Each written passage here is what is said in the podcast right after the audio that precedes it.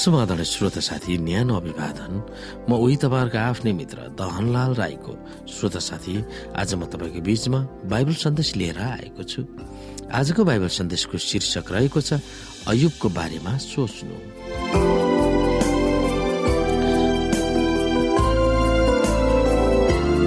श्रोता परमेश्वर आफैले अयुबको बारेमा कसरी तारिफ गर्नुभएको थियो? हामी अयुब एक अध्यायको आठमा हेर्न सक्छौँ।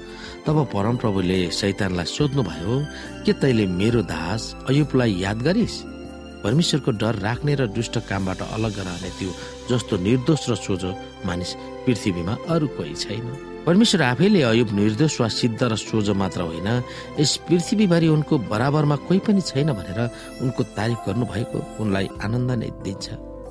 निर्दोष सोझो परमेश्वरको भय राख्ने वा उहाँप्रति श्रद्धा राख्ने र दुष्ट कामबाट अलग्गै बस्ने भन्ने अयुबको बारेमा बोलेका शब्दहरू परमेश्वर आफैको थियो।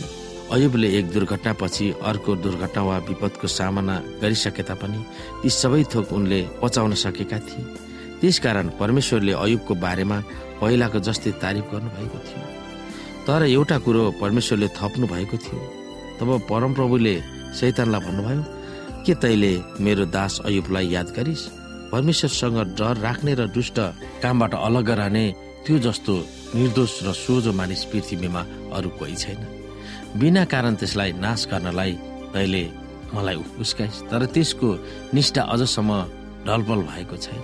अयुब कतिको सिद्ध निर्दोष सोझो थियो कि त्यस्तो विषम परिस्थितिमा पनि उनले परमेश्वरमाथिको पकडलाई उनले छोडेनन्।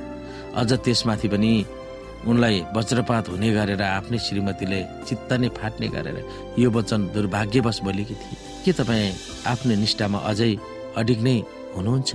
परमेश्वरलाई सराप्नुहोस् र मर्नुहोस् वा आत्महत्या गर्नुहोस्। निसन्देह अयुबको अडानको शक्तिशाली दृश्य हामीले हेर्न पाए तापनि अयुबको जीवनको दुःखद पर्दा उघार्नु भन्दा पहिले उनको जीवनको अर्को पक्ष अयुबको पुस्तकले प्रकट गरेको छ।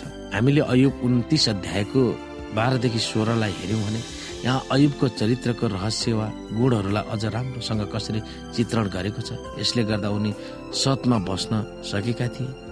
हामी हेर्न सक्छौँ सहायताका लागि पुकारा गर्दा गरिब मानिसहरूलाई र रक्षाहीन पितृहीनहरूलाई मैले बचाएँ। मन लागेको मानिसले मलाई आशीर्वाद दिन्थ्यो र मैले विधवाको मन आनन्दले गाउने पारिदिन्थेँ। धार्मिकतालाई मैले आफ्नो लुगा जस्तै लगाएँ इन्साफलाई मैले मेरो पोसाक र फेटा झैँ लगाएँ।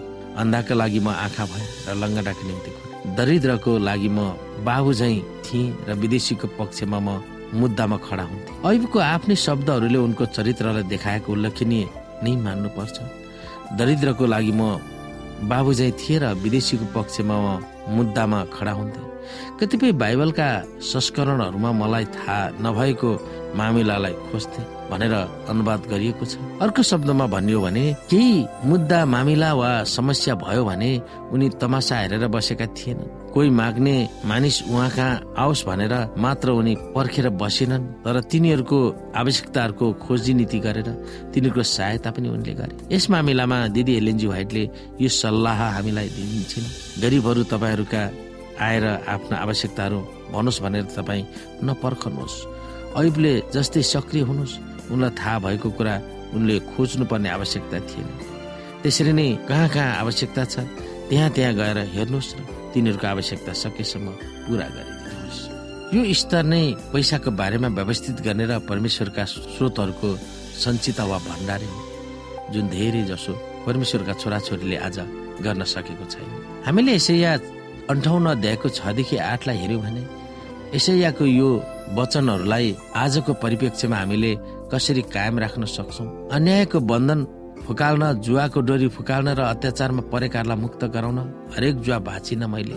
चुनेकै किसिमको उपवास यही होइन आफ्नो भोजन भोकासित बाँडचुट गर्न र घर नभएका गरिबहरूलाई शरण दिनु नाङ्गोलाई देखेर लुगा लगाइदिनु र आफ्नो जात भाइहरूबाट नलुक्नु होइन र तब तिनीहरूको ज्योति बिहान झै फुटेर निस्कनेछ र तिनीहरू चाँडै निको हुनेछ।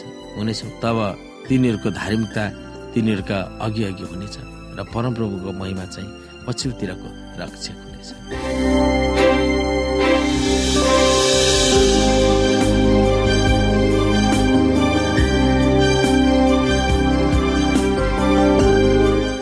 श्रोता साथी आजको लागि बाइबल सन्देश यति नै।